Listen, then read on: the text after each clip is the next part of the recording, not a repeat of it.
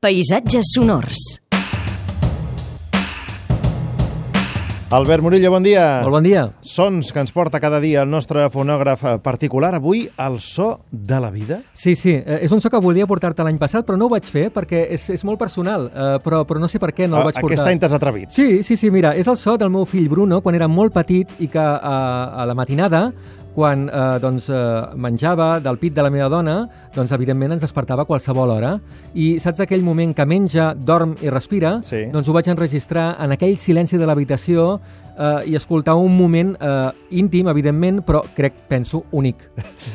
L'Albert que grava converses d'altres, avui és ell qui s'obre i qui ens mostra el seu fill Bruno mentre està amamentant-se, respirant i adormint-se. Gràcies, Albert. Adéu-siau.